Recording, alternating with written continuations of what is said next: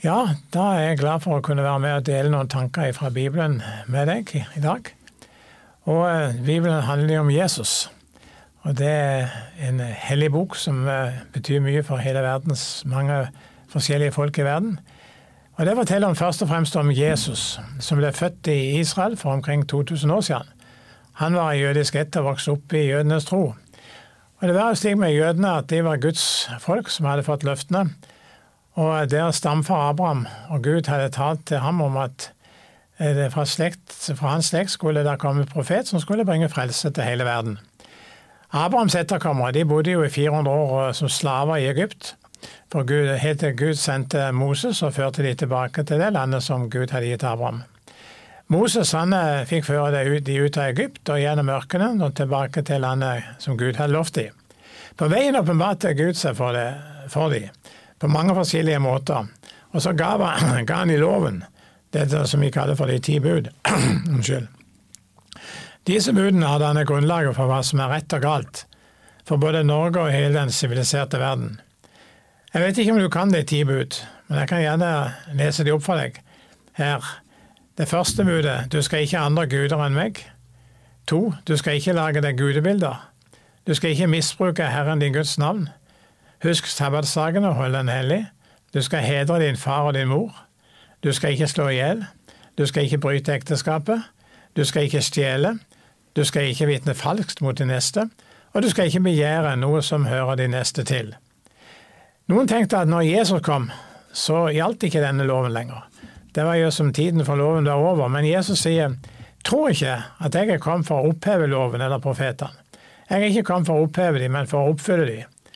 For sannelig sier jeg deg, før himmel og jord forgår, skal ikke den minste bokstav eller en eneste tøddel av loven forgå, før alt sammen er oppfylt.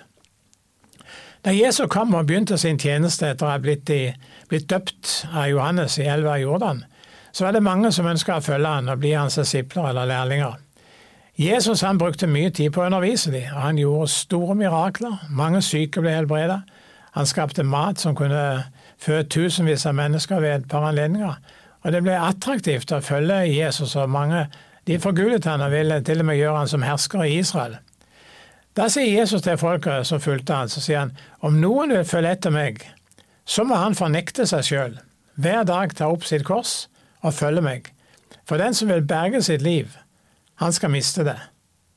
Som vi leste, så sier Jesus til folket at han ikke var kommet for å oppheve loven, men for å oppfylle den. Jesus gjorde det ikke lett å følge han.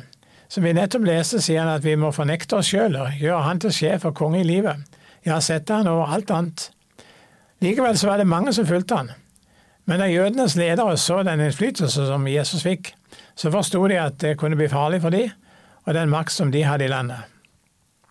De tror derfor Jesus og brakte ham frem for de romerske herskerne som styrte i landet, og ba om å få Jesus korsfesta. Og Sammen med to røvere så ble Jesus korsfesta på et sted like utenfor Jerusalem, som heter Golgata. Vi kjenner sikkert historien om at Jesus sto opp igjen fra grava den tredje dagen. Og Så var han sammen med sine nærmeste disipler i 40 dager, før han sammen med de opplevde eh, å være på et fjell, og der ble han løfta opp i skyen, opp og ei sky skjulte han, og de så han ikke lenger.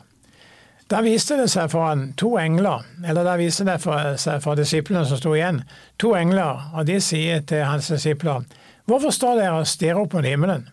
Den samme Jesus som ble tatt opp fra dere til himmelen, han skal komme igjen, på samme måte som dere så han far opp til himmelen.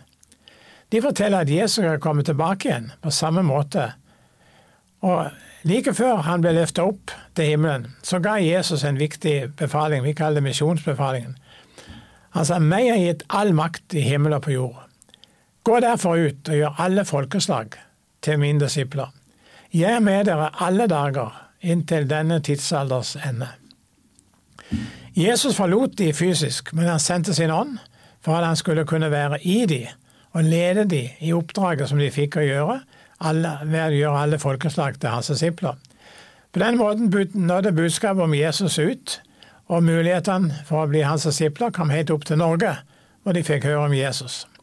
Og Jesus kaller fortsatt mennesker, også i Norge, til å bli hans disipler, og til å holde alt det han har befalt dem. Hans ånd skulle være med oss helt til denne tidsalders ende. Derfor kan vi også bli hans disipler nå i dag, både du og jeg. Og vi kan ta imot Jesus, og Hans ånd kan flytte inn i oss, slik at vi kan følge Han og alle Hans lover og bud som Han har gitt oss i Bibelen. Han gjør det slik at vi kan leve vårt liv med en god samvittighet. Du kan få kontakt med Han uansett hvor du er og hører dette. Ved å be til Han, kalle på Hans navn, fortelle at du vil tro på Han og følge Han, så vil Han berøre deg, flytte inn i ditt liv, og du blir Hans disippel. Du kan samtale med Han i bønn, og Han hører alt du sier til Han.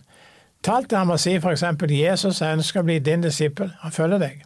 Gi meg din ånd, så jeg kan leve i kontakt med deg hver dag. Da har du fått hans liv i deg, et evig liv, hvor du kan leve med ham, og så den kommende nye verden. Når han snart kommer tilbake for å styre denne verden, da skal både du og jeg se han sånn som han er, og så skal vi kunne leve sammen med han. Han forvandler verden, og alle mennesker som skal være med der, de vil få lov til å leve i fred og glede hver dag. Han skal tørke bort hver tåre fra mennesker, sier, Bibelen. Dette er ikke eventyr. Og om du tar imot Jesus og blir hans disippel, så får du en smak på himmelen allerede her i livet. Gud velsigne deg.